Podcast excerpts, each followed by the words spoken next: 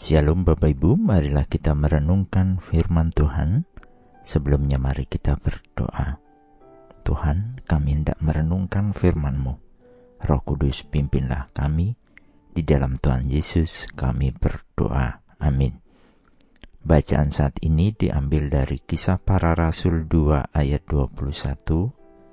Kisah Para Rasul 2 ayat 21 dan barang siapa yang berseru kepada nama Tuhan akan diselamatkan. Bentuk keakraban dalam pergaulan sehari-hari kita adalah ketika kita memanggil dan menyebut nama pribadi yang menjadi lawan bicara kita.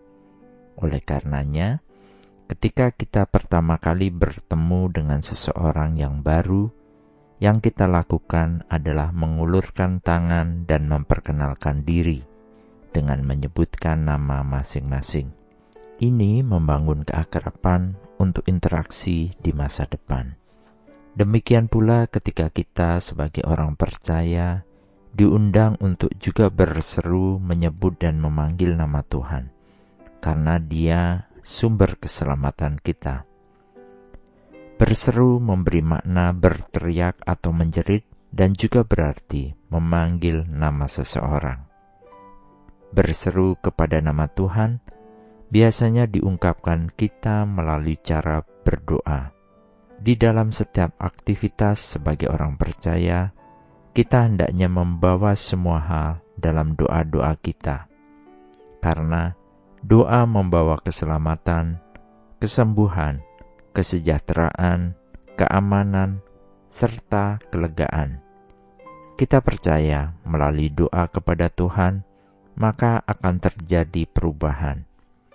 Oleh karenanya, Tuhan juga mencari orang-orang yang tekun dan setia yang mencari Tuhan dengan merenungkan firman-Nya, juga berseru melalui doa. Berseru merupakan ungkapan doa yang secara aktif yang dilakukan serta dapat didengar. Doa dibawakan kepada Tuhan dengan segenap hati, jelas, rinci, bahkan mungkin dengan sepenuh jiwa, dengan cucuran air mata. Ada kuasa ketika kita berdoa, berseru, memanggil nama Tuhan. Kenapa kita perlu berseru, berdoa kepada Tuhan? Yeremia 33 ayat 3 menulis, Berserulah kepadaku, maka aku akan menjawab engkau dan akan memberitahukan kepadamu hal-hal yang besar yang tidak terpahami, yakni hal-hal yang tidak kau ketahui.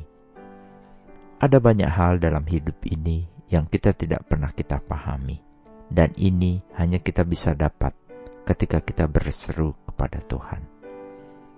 Bagaimana supaya ketika kita berseru, itu akan memiliki kuasa. Seperti halnya dalam setiap komunikasi dengan orang lain, kita harus dikenal oleh Tuhan, dan Tuhan mengenal kita. Keluaran 2 ayat 24 mengisahkan tentang Allah yang mendengar seruan orang-orang Israel di Mesir. Oleh karena ia mengingat kepada perjanjiannya dengan Abraham, Ishak, dan Yakub. Allah mengenal mereka, oleh karena Allah mengikat perjanjian dengan nenek moyang mereka. Lalu siapakah kita yang diingat oleh Tuhan? Setiap kita yang percaya kepada Yesus Kristus sebagai Tuhan dan Juru Selamat, dialah yang diingat Tuhan.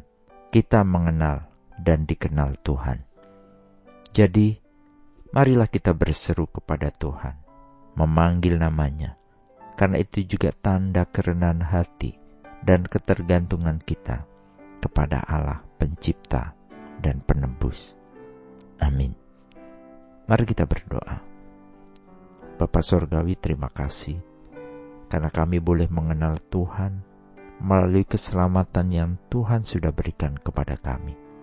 Sehingga kami pun boleh berseru berdoa memohon kepada Tuhan, karena Tuhan mengenal kami.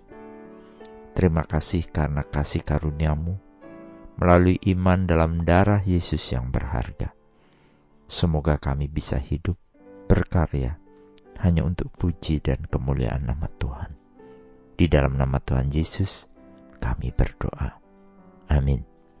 Tuhan Yesus memberkati. Shalom.